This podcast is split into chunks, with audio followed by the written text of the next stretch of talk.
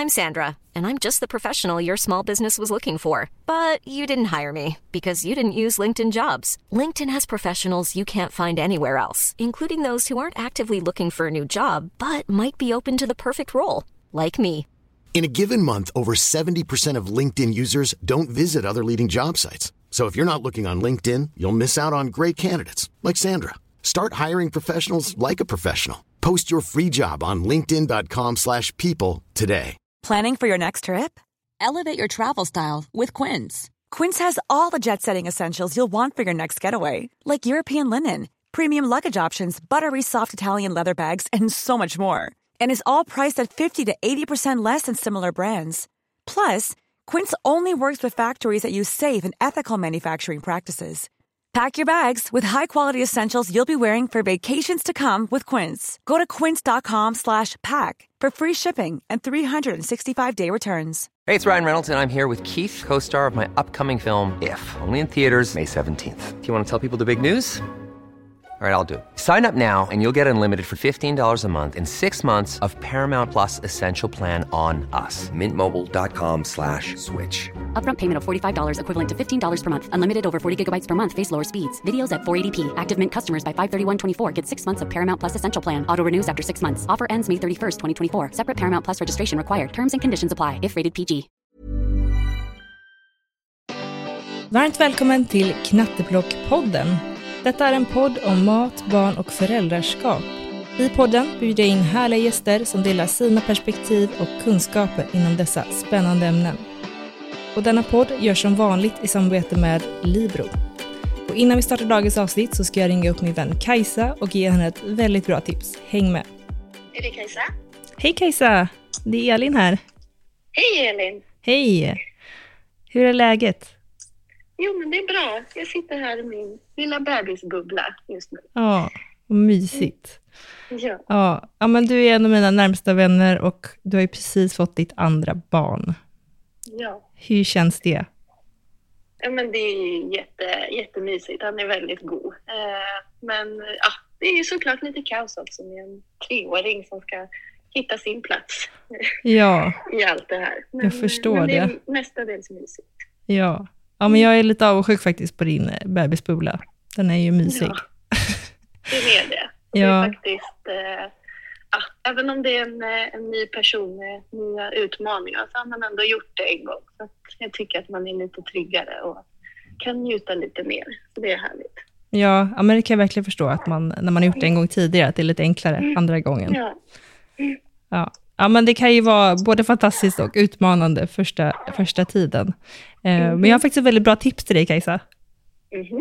Ja. Visste du att Libro delar ut välkomstgåvor till nyblivna föräldrar? Nej, det visste Nej. jag inte. Det är så bra. Är du med i Libro-klubben för det första? Nej, inte ens det. Nej, det måste du göra. Och så får du registrera Ruben.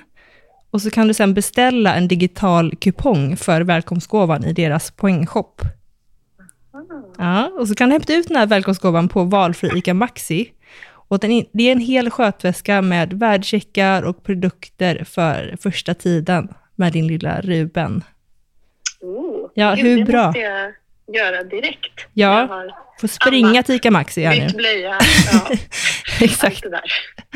Ja, men jag älskade faktiskt välkomstgåvan från Libro med Bonnie. Jag, har, jag använder fortfarande grejer därifrån, kan jag säga. Mm, gud vad Ja. bra. Så hett tips. Ja. Det ska vi fixa idag. ja, men gör det. Det kan vara dagens mission. Ja, lite lagom. Ja, härligt. Och ni som lyssnar som också precis har fått barn, gör ni detsamma, för den här välkomstgåvan är faktiskt fantastisk. Ja, men stort tack Kajsa för att jag fick ringa dig. Ja, såklart. Ja, ha det så mysigt med Ruben. Ja, du med. Ja, hej då! Hej då. Vad innebär, kan det innebära att man liksom vaggar ända tills den somnar? Ja, vagga eller amma hela vägen in i sömnen. Lägga ner bebisen när den sover. Sen gå med vagnen tills eh, barnet sover. I detta avsnitt har jag fått äran att gästas av sömncoachen och författaren Hanna Bergenkull. Hanna har hjälpt otroligt många föräldrar med både sina böcker och kurser om just barn och sömn. Detta är ett efterlängtat avsnitt på ett tema som man skulle kunna prata om i evigheter. Men under vårt samtal pratade vi om när och hur man kan börja öva på ett självständigt sovande, hur maten och sömnen hänger ihop och även vad man kan göra om ett barn vaknar väldigt tidigt. Jag tycker att det blev ett väldigt härligt samtal där det blev tydligt hur viktigt det är att följa och lyssna på sitt egna barn och samtidigt våga fullfölja sin rutin. Hoppas att ni gillar detta. Nu kör vi igång. Hej Hanna! Hej Elin! Hej! Hur är läget? Ja men det är bra. Solen skiner idag. Det är helt otroligt. Det var jättelänge sedan. Ja, gud ja. Jättekul att du är här, Hanna. Vi ska prata om ett eh, otroligt spännande ämne idag, som jag tror många föräldrar tänker på mycket och eh, har funderingar kring. Eh, men jag tänker innan vi börjar med det, eh, vill du berätta lite vem du är, för de som inte känner till dig sedan tidigare? Ja, ja men det kan jag göra. Jag heter Hanna Bergenkull och eh, jag jobbar som sömnrådgivare för familjer med små barn. 0 till tre år är väl de vanligaste. Redan från noll år alltså? Ja, precis nyfödd till ungefär tre år, men ibland hjälper jag också familjer med en femåring och sådär. Min grundutbildning inom just sömn är sömncoach för vuxna, så att jag har jobbat även med vuxna. Men sen så av olika anledningar så har jag glidit in mer och mer på barn och det är det mitt hjärta klappar lite extra för. Det har jag gjort på heltid nu ungefär i fem år. Och dessförinnan så gjorde jag det på deltid då. Så ungefär tio år har jag hållit på. Oj, vad spännande. Hur kommer det sig att eh, du eh, har ett sånt intresse för, för sömn? Hur kom du in på det spåret? Alltså, jag har väl alltid tyckt om att sova. Ja. Eh, jag tycker om att gå och lägga mig, jag tycker om att läsa en bok, jag tycker det är mysigt. Sen så blev jag förälder och då sov vi väldigt, väldigt lite. Och för första gången faktiskt i mitt liv så fick jag ångest. Jag hade inte haft ångest tidigare. Jag hade ingen erfarenhet av det.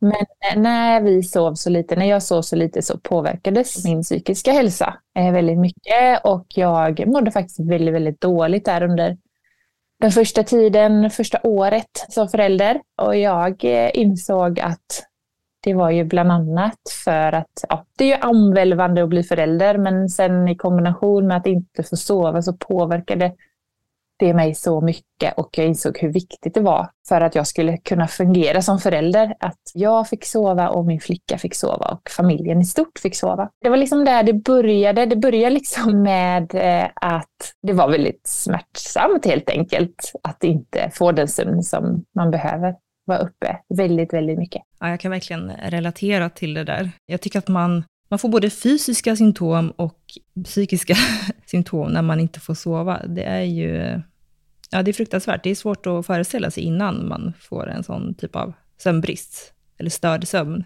Hur gammal var Bonnie då när du kände så? Eh, ja, men jag tycker att första tiden faktiskt gick ganska bra. Jag ammade och jag tror att jag hade mycket amningshormoner som gjorde att jag ändå var ganska pigg. Så första, ja men säg nio månaderna så, så klart att jag hade stödsömn, men inte så farligt. Så att jag liksom märkte av det på dagarna. så. Men eh, sen, och sen när jag slutade amma, då tyckte jag att det blev riktigt jobbigt. För då hade hon fortfarande väldigt ja, men, utmanande sömn. Hon vaknade mycket och hon vaknade otroligt tidigt. Bonnie har alltid varit en sån, en sån barn som har vaknat jättetidigt, alltså fyra, fem, sådär. Eh, då tyckte jag att det blev väldigt jobbigt. Så det var egentligen alltså, lite senare, tror jag, än kanske många andra upplever den här störda sömnen, alltså runt 10-12 månader, något sånt där. Så jag kan verkligen eh, känna igen det där. Ja. Hur, hur gjorde du då? Liksom, hur, hur vände du det där? Liksom? Hur mår du idag? fråga. Eh, nej, men idag går det faktiskt väldigt bra. Jag tror också att det har lite med hennes ålder att göra. Att hon eh, ja, men har mognat och, och, och, blivit äldre och att det har hjälpt med sömnen. Men sen har vi ju också läst Lillis räv, som är din Just bok. som eh, har hjälpt väldigt mycket i, i nattningsrutinen, skulle jag säga. Eh, och att liksom skapa en tydlig rutin med henne. Och eh, jag tror att vi hade också många föreställningar om hur hon behövde nattas för att kunna sova. Och att hon behövde sova med oss. Och att hon, vi hade liksom, ja, många föreställningar som kanske inte egentligen stämde, utan det låg, låg mycket hos oss som föräldrar.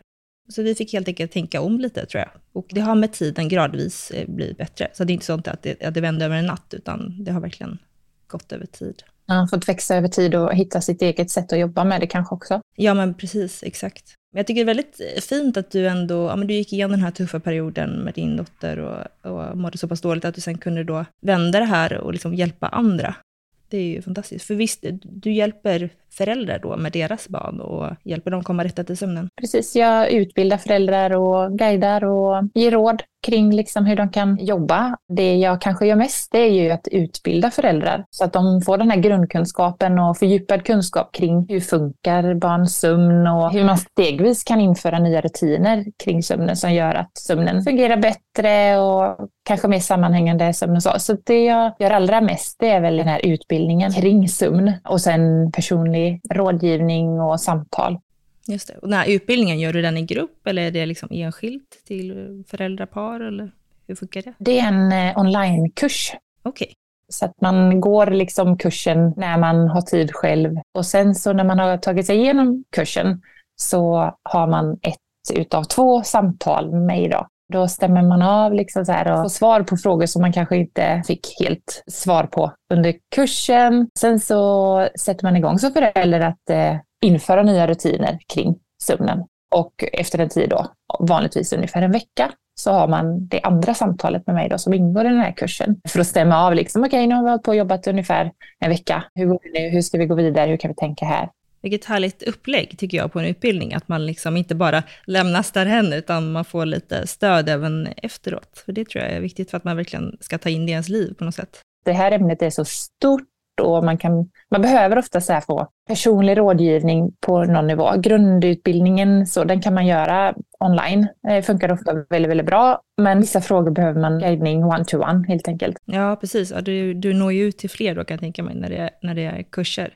Men också tänka att varje barn är unikt och varje familj är unik. Så det, det är svårt med en kurs att få lite den här one size fits all. Då är det så bra med att ha ett samtal också, för då kanske man kan skräddarsy lite. Mm, precis, och det behöver man nästan på alla familjer. Behöver man liksom så här, ja ah, men okej, du får nog kanske tänka lite mer så här. Det finns lite olika vägar att gå där liksom. Ja, men härligt. Eh, jag, jag frågade ju mina följare om frågor till dig. Jag berättade att du skulle vara med i podden. Och eh, jag fick så otroligt många frågor. så, så härligt, eller det är inte så härligt att, att så många har utmaningar, men ändå att det, det är så engagerande och att många vet vem du är och eh, ja, har frågor till dig helt enkelt. Så jag tänker att eh, vi kör igång, för att det, det, är så många frågor och jag skulle gärna vilja gå, ner, gå igenom så många som möjligt. Det som många frågar om är ju det här med att somna. Dels att somna i egen säng, men också att somna själv. Det kanske är två olika saker, där får du gärna rätta mig. Eller två olika steg kanske till och med. Vill du berätta lite om hur, hur kan man jobba med att få barnet att somna i egen säng och själv?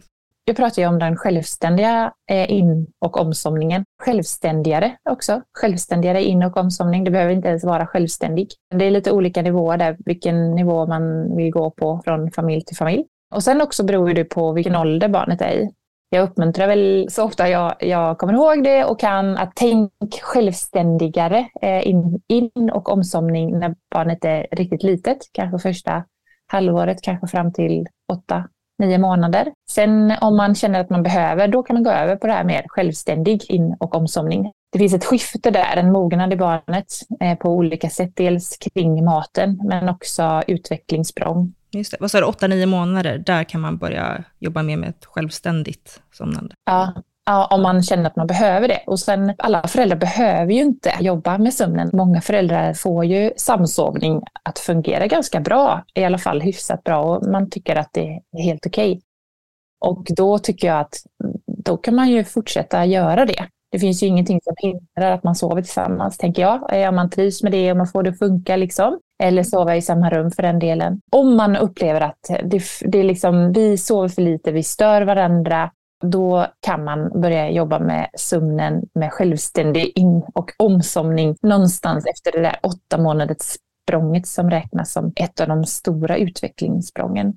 Så jag brukar rekommendera att ska man ta det här helhetstaget och liksom gå all in, kanske gå med en kurs och sådär, så kan det vara klokt liksom att göra det någonstans efter åtta månader och börja kanske sömnträna då vid nio månaders ålder. Och fram till dess så eh, säger jag, har du som förälder möjlighet att vänta och, och liksom ändå tycker att det är på något sätt okej, okay, så, så tycker jag verkligen att det är klokt att vänta så ofta som möjligt hur länge eh, bör man vänta då? Om, om, säg att det funkar jättebra att samsova och man har inget problem med sömnen.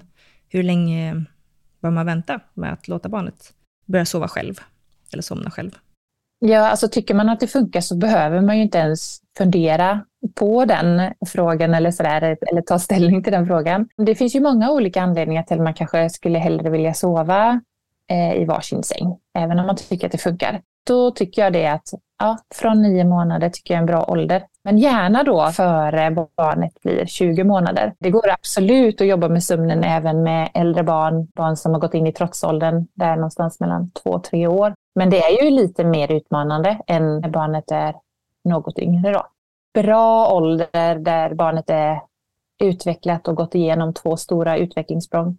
Eh, det är språnget som är vid fyra månader och det som är runt eh, åtta månader. Det är ju några av de stora utvecklingssprången. Eh, när man har passerat det så, kan det vara en bra ålder att ta tag i det liksom, om man känner att man vill få en förändring av olika anledningar. Då. Ja, det finns ett litet fönster där då som är bra att nyttja helt enkelt. Innan, innan barnet får den här otroligt starka viljan som jag själv upplever just nu. Runt ja, 20 månader. De som lyssnar nu, om man har ett barn som kanske, låt säga, är ett och ett halvt år, eh, om man känner att det är jättemycket egen vilja här och sömnen har kanske blivit över tid lite sämre. Det är vissa familjer som upplever det, att det blir lite sämre, eller i alla fall inte bättre. Eh, då är verkligen mitt råd att ta tag i det där nu innan ditt barn går in i trotsåldern. För trotsåldern, det är, det, är, det är en fantastisk ålder på många olika sätt. Jag älskar eh, två och treåringar, tycker de är störtsköna, men, men det kan vara ganska tålamodskrävande och utmanande i faktiskt större ut med, eh, utsträckning än vad det kanske är med en ett och ett halvt-åring. Även om man kanske inte tror det som förälder så, så kan det vara så. Jo, jag känner igen det mm, ja. men, men om vi delar upp det lite då, då om, om vi säger att man har en eh, 8-9 månaders dag, hur, hur börjar man då för att få barnet att sova mer självständigt? Eh, det första jag brukar eh, prata kring faktiskt, och det kan ju passa bra att lyfta det lite extra här i det här eh, samtalet, eh, det är ju maten, alltså den fasta maten. För en del i att sömnträna och jobba intensivt med det. det är ju, när man jobbar intensivt med det så brukar jag säga avsätt ungefär två veckor. Det är ungefär den tiden det tar att införa en ny rutin och att befästa den i någon form. Men eh, en del av sömnträningen är att eh, ta bort eh, mat på natten. Alltså amning och, eller ersättning eller välling. Eh, och en förutsättning för att kunna göra det är ju att man får i sig tillräckligt med mat på dagen. Eh, och eh, då behövs eh, då behövs fast mat. Eh, så att eh, man kan absolut fortsätta amma eller ge ersättning om man vill det, men då blir det liksom mer som en efterrätt eller lite gos innan man går och lägger sig eller sådär. Så att eh, eh fortsätt med det om du tycker att det fungerar, men, men också att eh, maten, att man får, en, får i så många kalorier som möjligt på dagtid helt enkelt för att behovet av mat eh, ska liksom minimeras på natten. Det här kan ju vara en utmaning känner jag med 8-9 månader. Det är inte alla 8-9 månader som har kommit igång så mycket med, med maten än.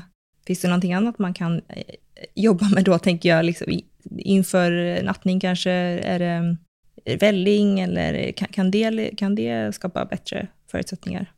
Nej, men alltså, även om man inte är framme och barnet äter eh, fast mat i fulla portioner ändå, säger vi, kring nio månaders. Det är ju som du säger där, Elin, att det är ju inte alla som är där ännu. Sen är det en, en hel hög eh, föräldrar och barn som faktiskt är där också. Men om man inte är det där så, så är det ju ändå det här liksom att ändå eh, sträva mot att öka eh, intaget mat på dagen. Eh, och det kan ju vara fortfarande puréer, det kanske inte är plockmat då, utan det kan vara puréer och det kan vara välling och det kan vara eh, bröstmjölk. Så att man, men att man ändå liksom försöker tänka det liksom att hur ska jag få i mitt barn så mycket mat som möjligt här på dagen? För det skapar bättre förutsättningar för natten. Och även är nio månader så kanske du matar den, ammar den eller ger ersättning då på natten ett par gånger. Det är ju ändå ganska vanligt på sikt så kanske man vill gå från två gånger, om man ammar två gånger på natten, så kanske man försöker så här, men vi vill gå från två gånger till en gång. Och då är det klokt liksom att långsiktigt jobba med den här maten och mättnadskänslan på dagtid. Att få en hög mättnadskänsla på ett barn hela första året kan man väl säga. Det är ju väldigt tidskrävande. Både om du arbetar med att öka på den fasta maten men också om du ammar. Det är ju faktiskt väldigt tidskrävande. Och någonting som, och att man faktiskt låter det ta tid. Och eh, man eh, som förälder, inklusive jag själv, eh, kan ibland ha blivit så här, jättestressad och bara, men vi måste iväg och jag hinner inte sitta här och mata. Men det är så värt det att ge maten tid, för det är en sån grundförutsättning för att skapa positiva sömncykel, liksom sömnmönster och sammanhängande sömn också. För någonting som är väldigt vanligt är att barn sover väldigt, väldigt kort. Och när man sover väldigt kort så orkar man inte äta riktigt som man kanske ska när det är dags att äta. Så blir det en nedåtgående spiral då. Ja, precis. Jag brukar säga det, att, eh, speciellt när det gäller bebisar, att det, det, krävs ju energi och ja, men barnet kan inte vara supertrött när den ska äta och utforska maten. Så att, eh, sömnen är ju viktig, så att det blir absolut, det hänger ihop. Alltihopa. Ja, och jag säger det liksom egentligen, ju yngre barnet är, desto mer hänger ju mat och sömn ihop. Och jag skriver ju bland annat det i eh, min bok där som du nämnde eh, om Lillis räv, att man kan inte ta isär mat och sömn på ett litet barn. Alltså hela första året och speciellt första halvåret, det är som yin och yang. Du, du, ska du förbättra sömnen så behöver du jobba med maten, men om du vill förbättra och öka på maten behöver du också jobba med den sammanhängande sömnen. Och när jag säger det ordet och sammanhängande sömn så pratar jag om då på dagtid, att försöka kanske ett par gånger på dagen på dagslurarna att, att barnet sover en och en halv timme eller kanske till och med två timmar. Eh, för att då orkar man ju också amma ordentligt sen när, när man vaknar. Eller man, eh, om man äter då fast mat, att man orkar äta den där fasta maten. Så att de, de, de där hänger verkligen ihop. Ja, men det är en otroligt bra poäng tycker jag.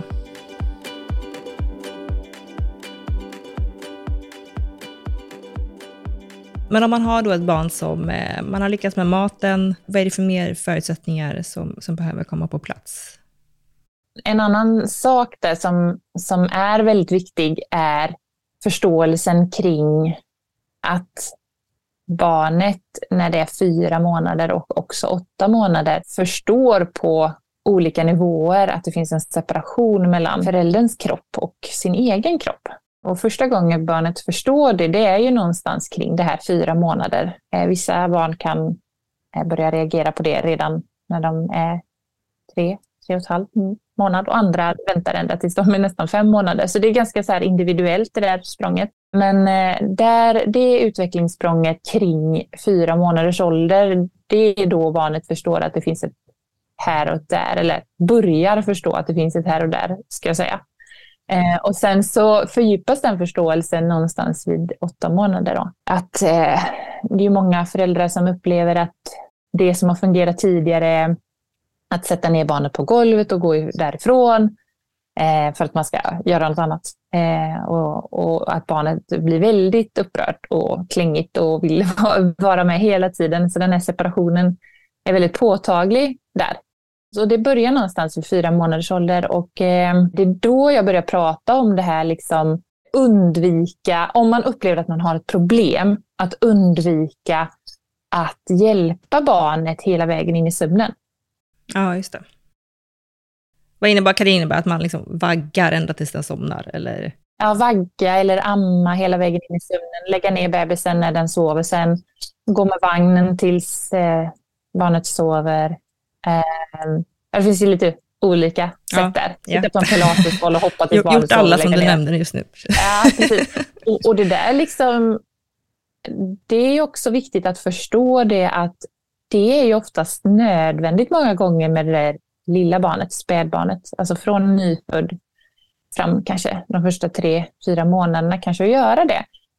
Men så småningom, kanske redan vid två månaders ålder, att man kan väldigt mjukt se om man kan liksom mata bebisen, lägga ner den när den är vaken så den kanske inte somnar i famnen. Lägga ner den, klappa den, pussa på den. Eh, olika sätt liksom för att lugna den.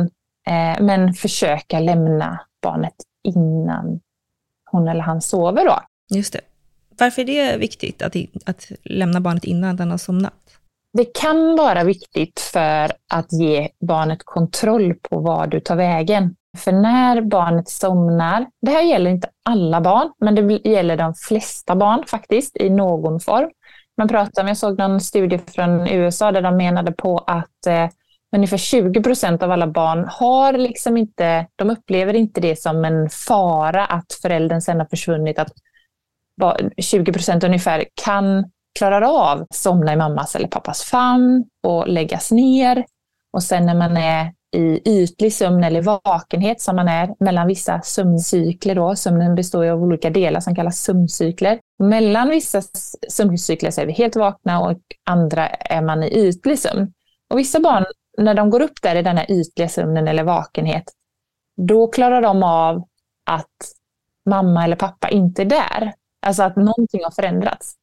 Men de flesta barn har mer eller mindre problem med det på olika sätt. Till exempel att eh, om mamma eller pappa var där i insomningsögonblicket så har ju någonting förändrats när barnet vaknar i den här skarven, i sömnskarven. Och då är det en hel del barn som upplever det. Alltså, då känner man sig inte riktigt trygg, för man vet inte vart, vad ens förälder tog vägen. För föräldern har ju oftast gått någon annanstans och gör någonting annat. Och det där känner ju säkert många föräldrar igen sig i. Hur, hur var det för dig, Elin? Jo, men när du nämner, man kastas ju tillbaka när vi pratar om det här känner jag. Eh, nej, men jag, jag ammade ju henne till söms, alltså fram tills att hon var åtta månader kanske. Eh, och då hade vi otroligt mycket problem med att när jag hade ammat henne och hon somnade så gick jag därifrån. Jag ammade henne i vår säng. Och så låg hon kvar med liksom kuddar runt omkring. Och då vaknade hon ju efter en halvtimme igen. Och så gick jag till sovrummet igen och ammade henne tills hon somnade. Och så gick jag därifrån. Och så vaknade hon efter en halvtimme. Så att jag tror att verkligen att hon var sådär att hon vaknade upp och tänkte, nej men nu, nu har jag ingen tutt i mun längre och vad, vad händer här? Vad är mamma liksom? Ja, hur ska jag nu kunna somna om när det inte är, vad är min förälder, vad är min trygghet och vad är bröstet? För själva sugandet var ju hennes liksom väg in i sömnen också. Det var den enda vägen på den tiden. Så absolut, jag kan verkligen eh, känna igen det där. Och sen så när vi, inte, när vi slutade med det så började vi med att vi vaggade henne, höll på på diverse pilatesbollar och ja, vi har ju verkligen hållit på sådär. Så att, eh, jag vi, vi har ju nog gjort allt fel tror jag från början. Eh, så, och det, så hon var ju otroligt svår på det sättet att hon vaknade hela tiden och jag tror att det var för att hon inte somnade på egen hand. Delvis, säkert. Så, och sen så är det så också att det blir ju en rutin också att det ska vara på det sättet, att man får ju det sömnmönstret som Bonnie då, hon sög tills hon somnade, är nedlagd, vaknade och när hon vaknade, så dels var du borta då kanske, du kanske inte var nära henne som hon, när hon somnade i det ögonblicket hon somnade så var ju du kanske där. Så det är det ena, men sen också det här att när hon då var i vakenhet och skulle dyka ner i en lite djupare sömn igen då, då hennes sätt att dyka ner i sömnen lite djupare, det var att suga. Och när hon inte kunde suga, när det inte fanns något att suga på, då var det så här, nej men det går ju inte. Och då blev hon helt vaken, klarvaken. Ja, det kan man se. men, men ja, och det är jättevanligt. Du är inte ensam, nej. Elin. Och ni som lyssnar också, ni, ni, ni, liksom, ni är inte ensamma. Och jag har också varit där. Och jag, ja, jag har testat alla de där grejerna också. Det som fungerar när bebisen är spädbarn, brukar jag säga, att amma hela vägen in i sömn. Det, sömnen, det kan liksom vara 100% rätt och 100% nödvändigt just då. Men sen så är det ofta så, inte alltid, men ofta är det så att ju äldre barnet blir, desto mindre rätt blir det. Eller desto mindre funktionellt blir det om ni förstår. Ingenting är ju egentligen rätt eller fel, men om man upplever att det blir väldigt mycket uppvak så blir det ofta så för många föräldrar. Det känns väldigt slitsamt. Och även för, alltså både för föräldern men också för barnet som inte får den här sammanhängande sömnen och ostörda sömnen utan det blir väldigt upppackat som kan påverka barn på olika sätt. Vad jag vill skicka med, man behöver göra lite olika beroende på barnets ålder så att man förstår det. Så det här med att jobba för ett mer självständigt insomnande är ju bra då för att de inte ska vakna lika lätt när de kommer upp i de här mer lätta sömncyklarna eller vad, vad det nu heter, ja. sömnfaser kanske man säger. Sömnskarvarna är det. Skarvarna, ja. Tänker du på det? Ja. Så då, då, då vill man, och det här har jag vetat lite undermedvetet hela tiden, att, att det är bra för Bonnie att somna, i alla fall somna själv. Alltså liksom att hon, eh, att hon inte liksom stimuleras till insomning. Kan ett första steg ändå vara att ligga kvar med barnet tills det somnar? Säg i samma säng. Du tänker, eh, det liksom, du tänker kanske ett halvårsbarn eller? Ja, men om vi tänker där från eh, när du tycker att man ska börja då, runt 8-9 månader. Vad är, liksom, vad är första steget? för Säg att man håller på att vagga eller man håller på att amma eller vad det nu kan vara. Vad är liksom första steget förutom då att få till maten?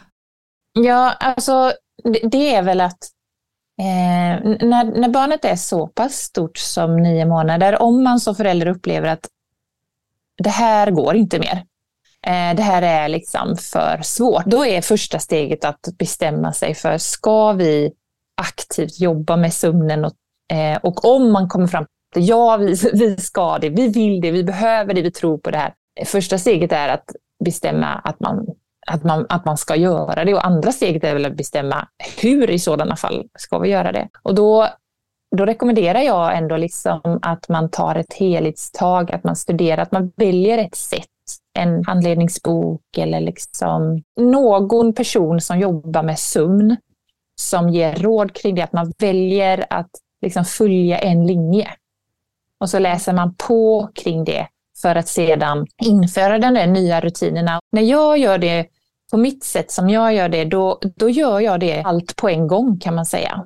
Så det som jag gör stegvis just i den åldern, det där gäller inte då det yngre barnet, för där gör jag det mer i steg liksom, på ett annat sätt. Och då kallar jag det inte för att sömnträna heller, utan sömnträna kallar jag det för när man liksom gör, tar bort mat på natten och liksom inför väldigt många, eller flera nya rutiner samtidigt. Då. Man sömntränar alltså inte ett litet barn, alltså en 8-9 månaders, då, det kallas inte sömnträning, utan det är senare, eller? Nej, fr från uh, ungefär. Min rekommendation är väl att sömnträna runt nio månaders ålder.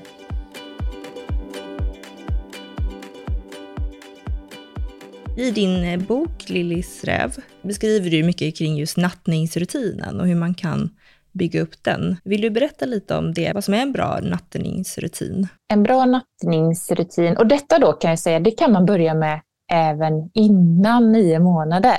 Alltså så man kan ändå jobba med den här insomningen, den här självständiga insomningen även med en fyra månaders eller en fem månaders. Alltså, det är ju att jobba väldigt stegvis. Det ser likadant ut egentligen, eller ungefär likadant ut och oavsett barnets ålder faktiskt. Ett sätt att jobba med insomningen då, det är ju att när barnet är lugnt, det kanske har ammat eller eh, ätit välling eller sådär, eh, liksom är nedvarvat, man kanske har läst, eh, för det är lite äldre barnet, man kanske har läst en bok och myst lite sådär masserat lite eller någonting som är lite nedvarvande. Och när barnet är liksom hyfsat lugnt, lägga ner det i sängen. Och eh, är det ett nytt moment, eh, för, för det normala kanske för just den specifika familjen kan ju vara att barnet ammar hela vägen sömn, in i sömnen och så lägger man ner. Och så vill man ändra på det och då blir det momentet att lägga ner i sängen när barnet är vaket, det blir nytt för barnet. Där är det så viktigt att hjälpa barnet. För när du lägger ner ditt barn som är vaket, lugnt då kanske, men vaket, när du lägger ner barnet i sängen, då, då liksom kommer ju barnet reagera. Och det är kanske lite kallt i sängen också. här. Lite, alltså det är väldigt varmt uppe hos föräldern och så lägger man ner sig. Det är liksom, ja, inte fullt lika mysigt kanske.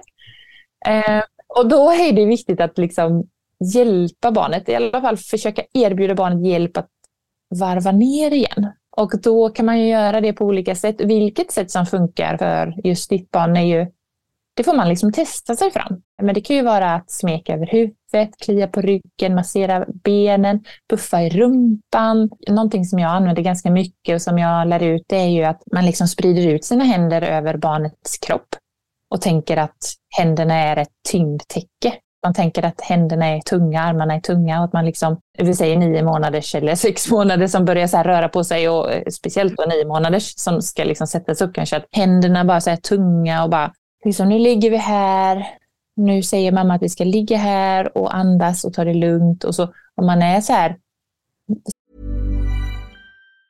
Many of us have those stubborn pounds that seem impossible to lose, no matter how good we eat or how hard we work out. My solution is PlushCare. PlushCare is a leading telehealth provider with doctors who are there for you day and night to partner with you in your weight loss journey. They can prescribe FDA-approved weight loss medications like Wagovi and Zepbound for those who qualify. Plus, they accept most insurance plans. To get started, visit plushcare.com slash weight loss. That's plushcare.com slash weight loss. Ever catch yourself eating the same flavorless dinner three days in a row? Dreaming of something better? Well, HelloFresh is your guilt-free dream come true, baby. It's me, Gigi Palmer. Let's wake up those taste buds with hot, juicy pecan-crusted chicken or garlic butter shrimp scampi. Mm. Hello Fresh. Stop dreaming of all the delicious possibilities and dig in at HelloFresh.com. Let's get this dinner party started.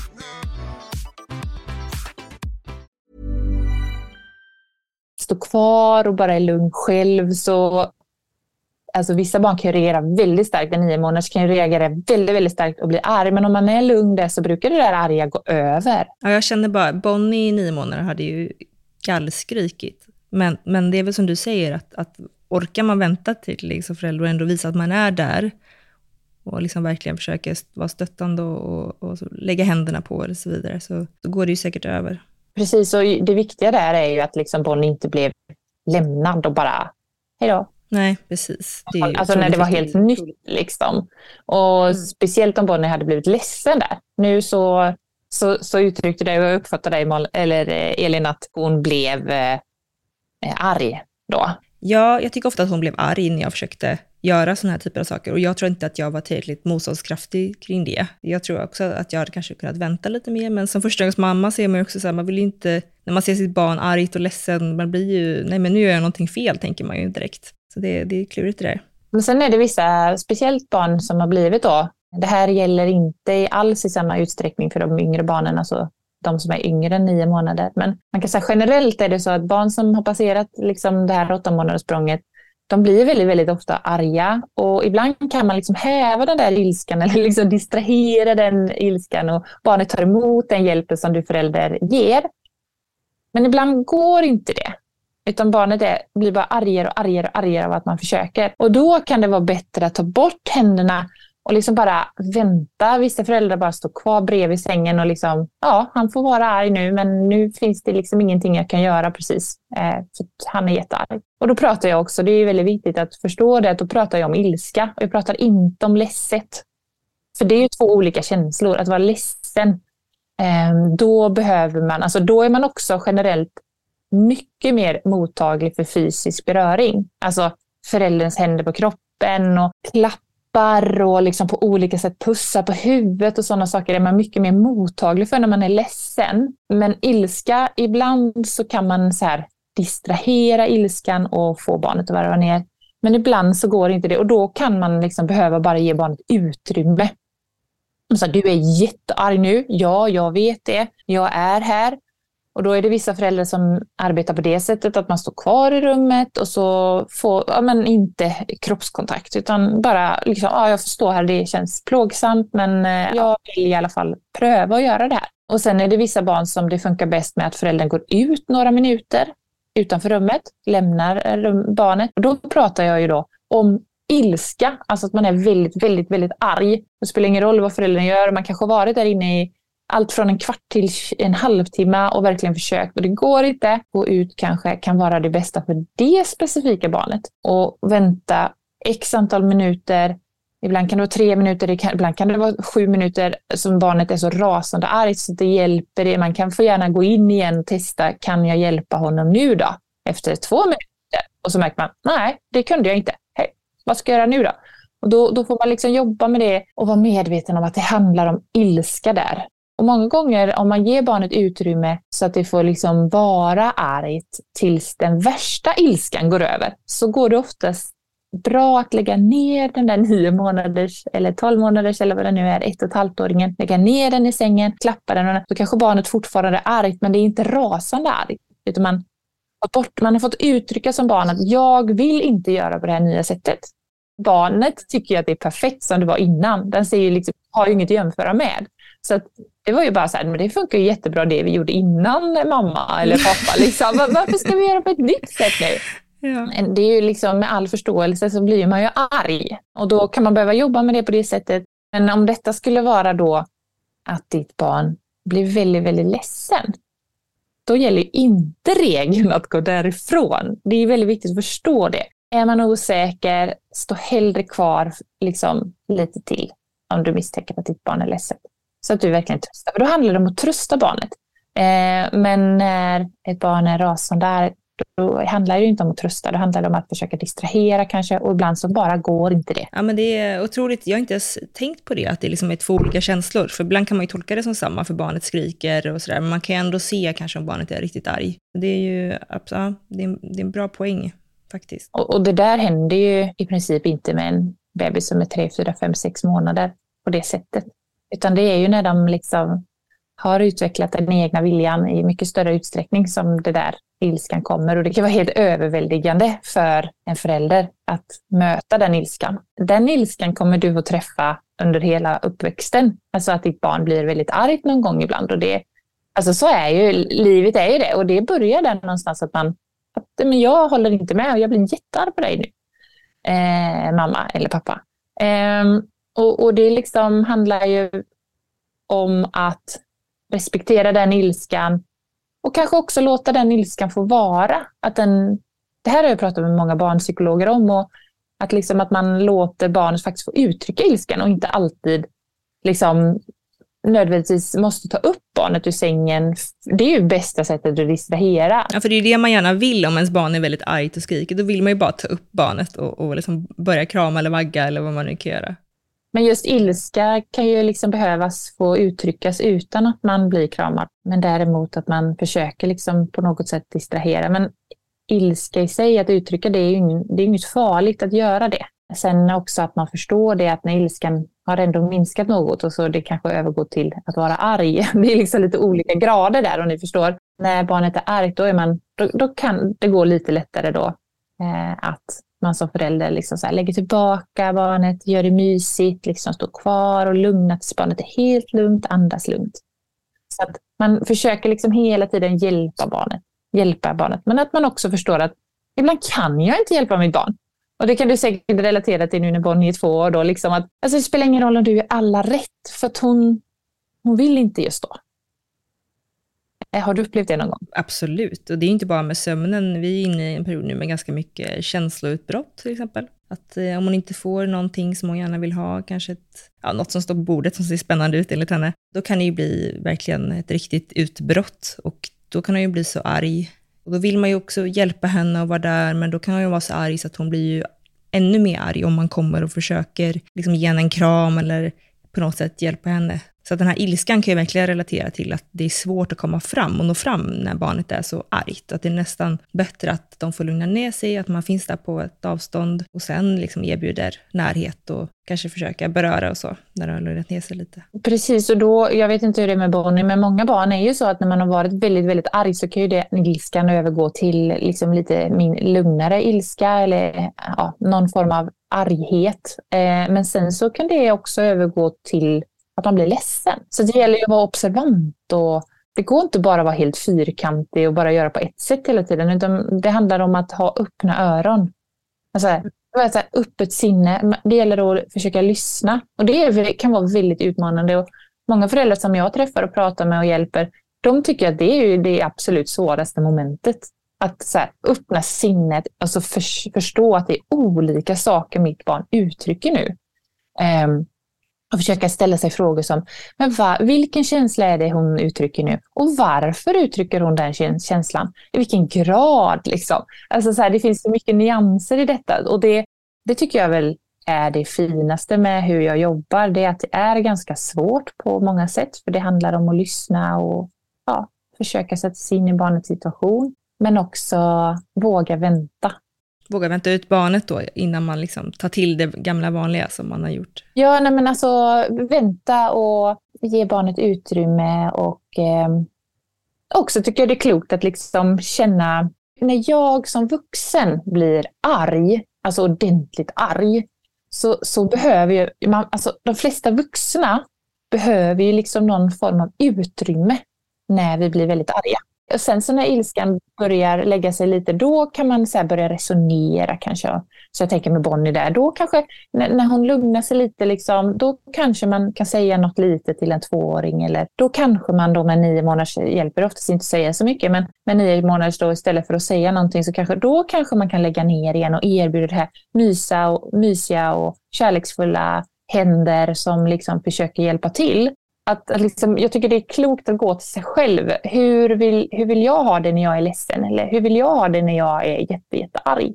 Eh, och, och försöka så här, det är ju på liknande sätt för våra barn oavsett ålder. Däremot så när vi är väldigt, väldigt arga så kanske det ändå känns fint att veta om att ens partner finns någonstans i bostaden där och bryr sig fortfarande om mig, men han eller hon respekterar att jag är väldigt arg just nu. Ja, men det är klokt. Tänka lite på hur man själv vill ha det faktiskt. För det är ju fortfarande människor båda, båda två, även fast man är olika åldrar. Ja, det är, det är faktiskt det. Så det, eh, det kan kännas väldigt komplicerat och svårt. Men sen så inser man när man börjar tänka lite logiskt på det och inte bara är i sina känslor så här 100 procent hela tiden som förälder, eh, vilket jag har varit väldigt, vad jag var väldigt mycket med vår första flicka, så inser man att vi fungerar ändå på liknande sätt.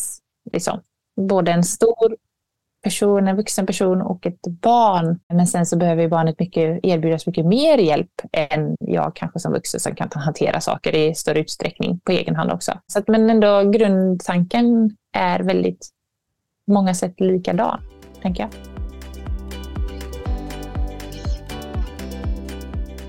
Ska man tänka likadant om barnet vaknar mitt i natten och är hysterisk? För då kan det just vara svårt ibland att se om det är ilska eller att barnet är ledset till exempel. Ska man ta upp barnet? Ska man försöka få den att somna om i sin säng? Hur ska man tänka där? Jag tänker liksom, det börjar med att liksom se om det går att barnet och varva ner barnet på plats i sängen. Eh, men sen så för att svara helt korrekt på den frågan så beror det också på barnets ålder. Man kan säga liksom det lilla barnet behöver ju oftast äta på natten. Då är det klart att man ska ta upp det om det är det lilla barnet som åt för en timme sedan så kanske man kan tänka att han behöver inte äta nu. Jag tror faktiskt inte han behöver äta nu, utan nu ska jag kanske mer försöka hjälpa honom att varva ner och somna utan mat.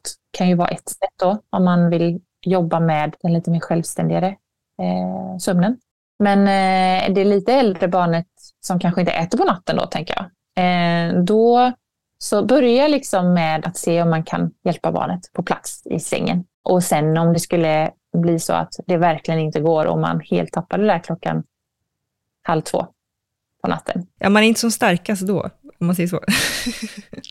Nej, man är ju inte det.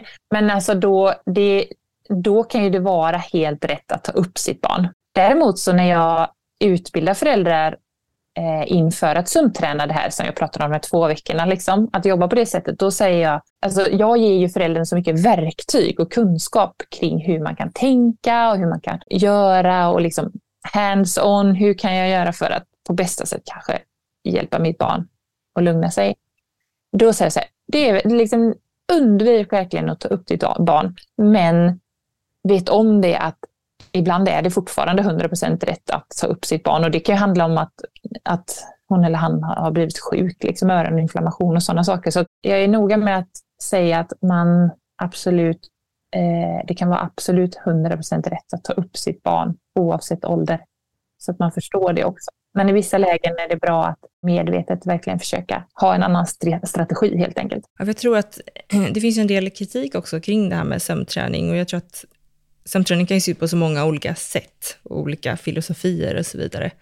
Eh, något som jag har läst är att eh, man kan tycka att, att, barnet kanske lär sig att, den, att föräldern inte tröstar den och att det är därför den blir tyst till slut och så vidare. Va, va, vad säger du kring, kring den kritiken kring just sömnträning?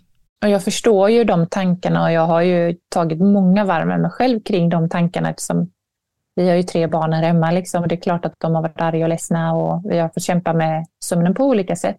Så att de är, det är liksom helt i sin ordning tycker jag att ställa sig de frågorna. Vad jag är väldigt noga med att uttrycka det är ju det att eh, göra skillnad på, liksom beroende på barnets ålder, eh, hur väl barnet känner igen rutinen och också kanske den viktigaste av alla, vilken känsla uttrycker mitt barn?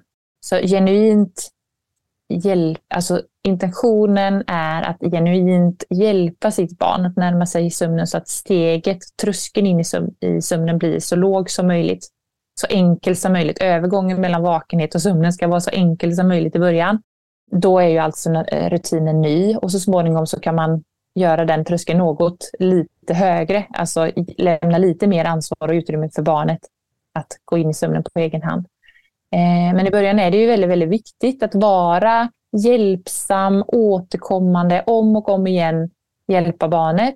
Och också då eh, någonting som jag pratar väldigt, väldigt mycket med föräldrar om, det är ju det här att innan man ens börjar med nya rutiner, att faktiskt börja med att stanna upp och lyssna på sitt barn. Alltså i vardagen. Eh, det behöver inte ens handla om sömn, utan det kan vara så här. För många gånger när vi är förstagångsföräldrar, speciellt då skulle jag säga, det är ju att vi, vi liksom reagerar reflexmässigt och utgår från att han är jätteledsen. Fast han kanske, ja absolut, han är ju jätteledsen ibland av olika anledningar. Men ibland är han också irriterad för han kanske håller på att träna på att vända från mage till rygg och han lyckas inte. Och han är arg och han försöker med det. Och liksom, det betyder inte att barnet att han är ledsen kanske, utan, men, men vad vi ofta gör som föräldrar och inklusive jag själv, eh, det är väl att vi många gånger reagerar då med att Åh, stackars honom, han är jätteledsen nu, han kan inte vända sig om. Men han kanske håller på att utveckla någonting och verkligen färdighet. Då kan det vara klokt liksom att ge liksom utrymme och bara alltså finnas till hands, för han kan ju bli ledsen också och det kan ju övergå i ledsna eller frustrerade och irriterade. Liksom. Men alltså, så här, backa av lite och observera. Ja, men det låter ju väldigt bra. Det är lätt att tolka ett litet barns liksom alla reaktioner som att det är ledsen nästan. Eh, eftersom att en, bebisar kan ju inte prata och det blir ju mest gråt och skrik. Men sen har vi också fått mycket frågor kring just det här med, med maten på natten. Många som håller på med ersättning, amning, välling. Eh, och då kan det säkert vara lite olika åldrar på barnen, men många vill sluta. Och om man känner att man vill sluta och man kanske också känner att ens barn är redo för det egentligen, eh, hur kan man, har du några tips där hur man kan göra? Eh, nej men det är väl att eh, följa ditt konto då Elin och eh, liksom, jobba med maten när barnet är moget eh, att sitta själv och är stadig. Frågan som man kan ställa sig som förälder om man upplever att åh, vi, han äter jättemycket och jätteofta på natten hela tiden ett barn kan ju äta jättemycket och jätteofta på natten av liksom två olika anledningar. Ibland är det båda samtidigt också. Det ena är ju att faktiskt barnet behöver de kalorierna. För den kanske får för lite kalorier på dagen. Och i, det lilla barnet, spädbarnet, behöver ju verkligen äta på natten. Sen också så kan ju det vara så att barnet behöver äta, alltså den kanske inte behöver maten, men den behöver suga för att kunna somna, för det är vägen in i sömnen för just det barnet och det är ju väldigt vanligt att det är så. Det är, två olika anledningar till att barnet äter på natten, tänker jag.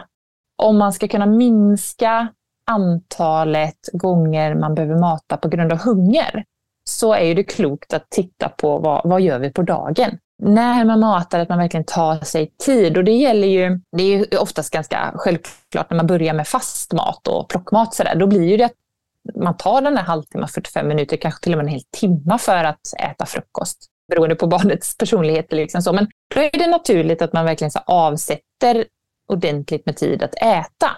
Och att man äter liksom så här frukost, lunch, mellanmål, middag och så kanske man äter ett mindre mål mat när man går och lägger sig. Det är ganska naturligt för de flesta av oss att tänka så och göra så med våra barn. Eh, men också att man kan liksom tänka lite åt det hållet när man ammar och ger ersättning. Istället för eh, frukost, lunch, mellanmål och middag så kanske det blir något extra mellanmål.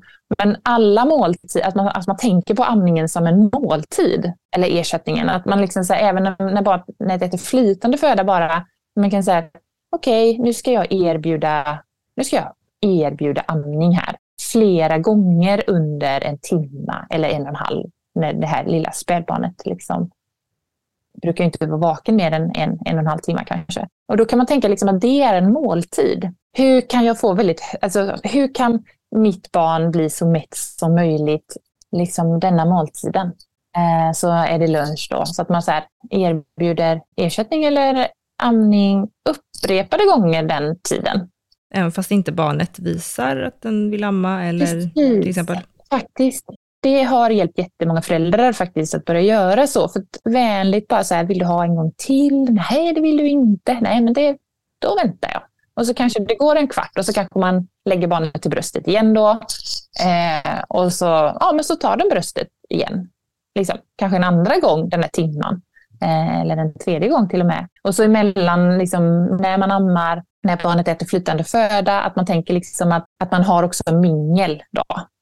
Det blir ju mingelstunder mellan amningarna. Så att, alltså, då gör man ju det vanliga. Liksom. Då kan ju barnet ligga en stund i babygymmet eller man sjunger lite eller man går och byter blöjan och, och sådana saker. Liksom. Men att man tänker att måltiden ändå får ta tid även när man ammar.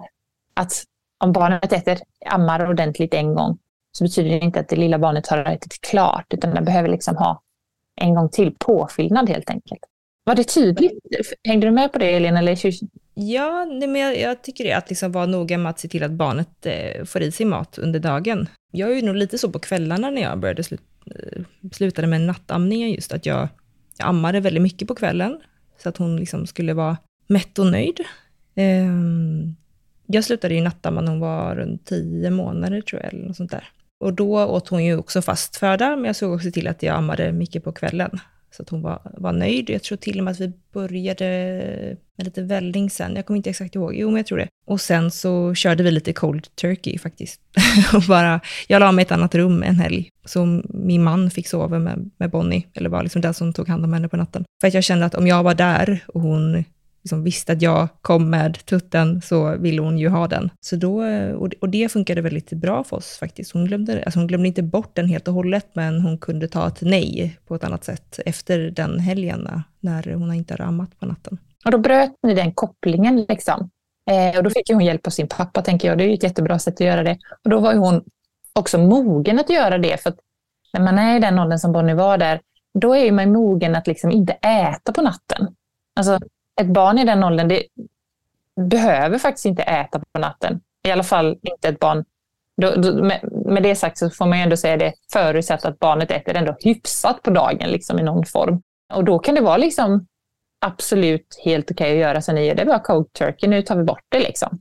Och då, ska, då kommer det vara så att då, kom, då börjar ju barnet också äta kanske större portioner och mer på dagen för att, alltså för att liksom täcka behovet eh, som hon inte, det här eh, matintaget, hon täckte det på dagen istället. För det fanns inget alternativ just då. Nej, precis.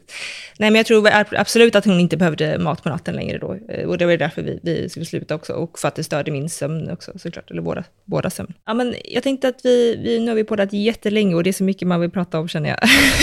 men eh, jag, tänkte att, jag tänkte att vi kunde avsluta med en fråga och det är också då någonting som jag själv har brottats med väldigt mycket med Bonnie. Och det är det här med att eh, vakna tidigt. Det där är ju lite relativt såklart. Vissa barn, som Bonnie, vaknar i fyra, eh, vissa vaknar 6.30. Hur får man barn att sova lite längre på morgonen? Så det korta svaret är, jag tänkte vi kan ju mm. göra ett kort svar nu då kanske. Eh, korta mm. svaret är att arbeta på, på faktiskt samma och liknande sätt som vid insomningen eller tidigare uppvak på natten. Alltså det är egentligen bara samma. Och också att insomningen på kvällen, där är ett gyllene tillfälle att verkligen jobba med det här och inte tänka åh nu så ska det, liksom, det bästa är om barnet somnar så fort som möjligt här på kvällen. Utan jag brukar säga så här, det bästa är om du får jobba med sömnen och det kanske trasslar lite på kvällen om du vill ändra lite på de rutinerna ni har. Kvällen är den gyllene punkten där man kan jobba med det där. Att det svåraste tillfället att jobba med att somna om, att ta sig från vakenhet in i sömnen igen, det är ju på morgonen. Och det beror ju på att melatoninet har sjunkit väldigt mycket i kroppen. Eh, serotoninet bland annat kickar igång som är uppiggande, olika uppiggande hormoner sätts igång i kroppen i kombination med att sömntrycket är ju mycket, mycket lägre jämfört med till exempel klockan ett på natten. Dessutom är det så att i den, den tiden när barnen vaknar den tiden så är vi, vaknar vi oftast ur väldigt eh, ytlig drömsömn. Och när vi befinner oss i drömsömn så är hjärnan väldigt aktiv, i princip lika aktiv som nu på dagen när vi sitter här och pratar med varandra. Och det innebär att när man vaknar ur drömsömn så är vi och våra barn också då, vi, vi känner oss väldigt alerta. Det betyder inte att barnet har sovit klart. Det betyder att barnet tror att det har sovit klart. Och det där har jag liksom pratat med eh, Christian Benedikt om. Han är ju sömnforskare i Uppsala och eh, han, eh, jag, jag, skriver bland, jag skriver om det bland annat i min andra bok, eh, Visst kan Sally sova, skriver jag det liksom i faktadelen där. Jag pratade lite med Christian om det och han sa det att det är helt rätt att man felaktigt tror att man har sovit klart där. För att hjärnan är så aktiv, liksom händer massa saker i kroppen. Men man behöver gå ner i sömnen några varv till. För när man kapar, när man går upp där, då har ju inte barnet tagit alla sina varv ner i drömsömnen. Och REM-sömn, alltså det finns ju väldigt mycket forskning på vad olika stadier och sömn gör med oss. Och REM-sömn är, liksom, den är lika viktig som djupsömn till exempel. Man har liksom inte sovit klart, man bara tror att man har sovit klart och om man går upp väldigt tidigt då riskerar man att kapa liksom den sömnen hela tiden. Så man ska helt enkelt försöka söva om när barnet har vaknat så tidigt? Ja, försöka jobba med det i alla fall på något sätt. Eh, och en del föräldrar gör ju det, upplever att det kan vara klokt att kanske ge en form av välling eller någonting. Liksom. Att eh, vällingen gör att man blir lite lugn och det är varmt och sådär. Och det kan ju vara liksom den lätta vägen. När jag jobbar med sömn så jobbar jag inte med mat på det sättet. Men jag vet att det kan funka för väldigt många. Så det kan ju vara en sak att testa i alla fall kan jag tycka. Men jag tycker det är, är bra att veta liksom, och ta med sig det att hon vill upp nu. Hon tror att hon har sovit klart, men hon har faktiskt inte det. Och vi, det är natt fortfarande. Att som förälder att man bestämmer själv, liksom bestämmer sig för när är det morgon hemma i våran familj. Och det kan ju vara liksom klockan sex. Eh, och vissa barn de är early birds och morgonpigga och de generellt brukar gå och lägga sig lite tidigare på kvällen. Och early birds så brukar jag säga att har man en morgonpigg unge så ska man ju försöka i alla fall vara kvar i sängen till klockan sex. Alltså försöka om det går. Jag vet att jag, ibland när Bonnie vaknade så tidigt så försökte jag låg kvar och försökte få henne att somna och det, klockan blev liksom, hon vaknade fyra då säger vi, då blev klockan fem, jag kände, ah. men ibland så somnade hon ju om, så då var jag väldigt glad att jag ändå liksom orkade pusha igenom, för ibland kunde hon ju också bli ledsen eftersom att hon inte fick gå upp och så vidare. Så ja, och vi testade också med välling på, på, på morgonen ett tag och det funkade ibland för oss. Så att eh, man får väl hitta sina knep då eh, och faktiskt tänka att det, det är natt fortfarande, att de inte är färdigsövda. Precis, och, och, att liksom, det gäller ju inte att avslöja för sitt barn att ja, men det är snart morgon. Liksom. Man får inte utstråla det, man får ju liksom försöka tänka, jag, det är mitt i natten. Det är ju den känslan du vill utstråla, liksom. du vill bete dig som det är mitt i natten också. Precis, jag brukade vara nästan helt tyst. Jag försökte inte liksom prata med henne så mycket, utan mer säga att det är natt. Och att, eh, för börjar man prata med henne, då var det liksom också som en signal att eh, ja, nu är det morgon. En till, en till. Så det blev väldigt, väldigt många signaler som sa till Bonnie då att men det är ju morgon. Mamma beter sig till och med som att det är morgon. Liksom. Så, och det är ju lätt hänt såklart. Alltså det, det har väl vi alla gjort, den eh, turen. Men eh, jag tycker ändå det är bra att veta om hur sömnen funkar, liksom, hur det är och det kan säkert många vuxna relatera till att om man vaknar där vid fyra, alltså det är ändå rätt många vuxna som vaknar kanske vid fyra, fem och så bara, alltså, ska jag jättepigg. Och så vissa då som har lite så här mer åt sömnproblemhållet, de kan omöjligtvis, de upplever att de kan omöjligtvis somna om där. Och andra då som kanske inte lider av sömnproblem eller sådär, då ligger man bara lugnt kvar och så somnar man. Och när, man, när klockan ringer halv sju eller sju eller när man nu går upp då, liksom, då kan man ju vara otroligt mycket mer trött än klockan fyra eller fem. Precis, det är ju konstigt. Det har jag ju tänkt på många gånger. Varför var jag så pigg där, men nu är jag ju helt överkörd. Och det är liksom beroende på vilken fas du vaknade helt enkelt. Och det är samma med Bonnie, liksom, att när hon vaknade så tror hon att hon är färdig, liksom att hon har sovit klart. Det har hon inte gjort. Och så kanske hon ändå, liksom tar vi upp tar du upp henne där eller liksom tar man upp sitt barn den tiden, då tar vi också bort förutsättningen att överhuvudtaget somna om. Det går ju inte att somna om när man liksom är uppe och springer i två år eller sådär. När man somnar om där så kan ju det vara så här, nej, nu får jag väcka henne för vi ska ju till förskolan till och med.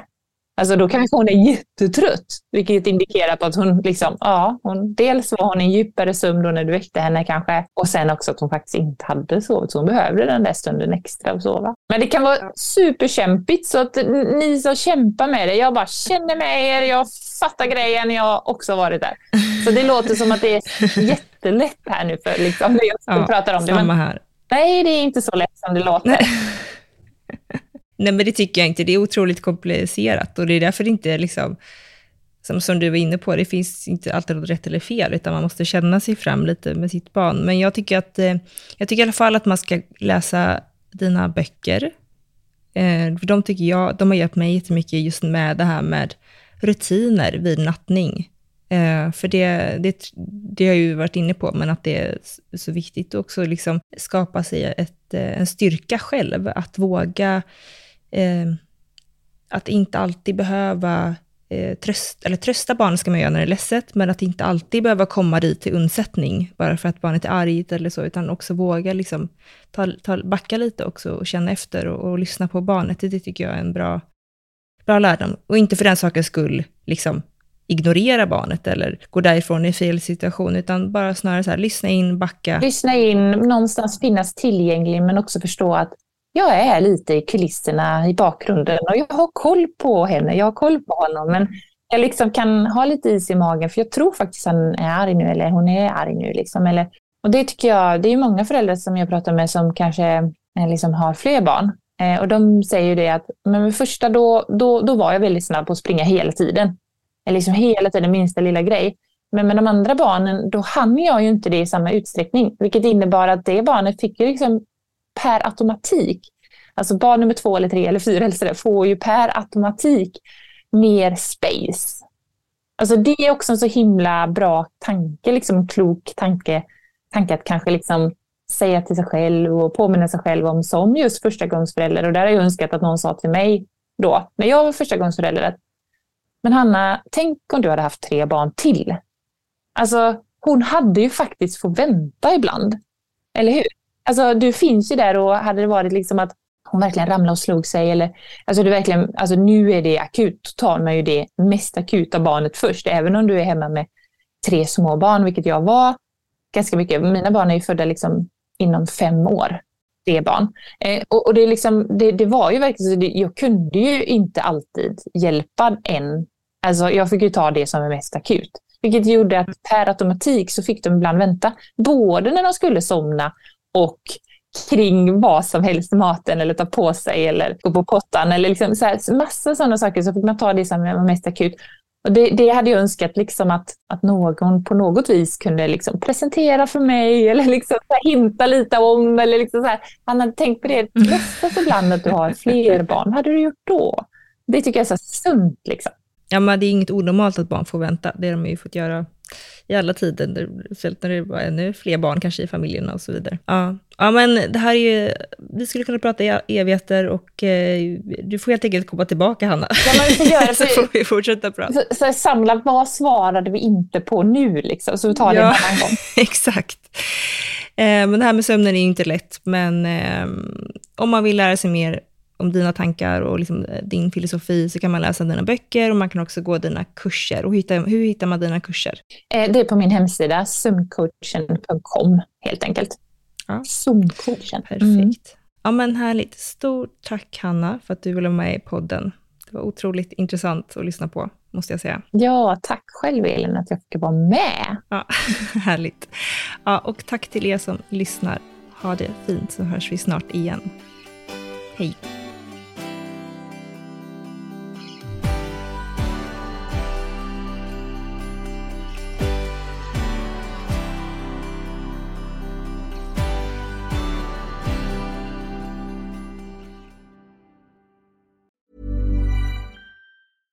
Ever catch yourself eating the same flavorless dinner three days in a row?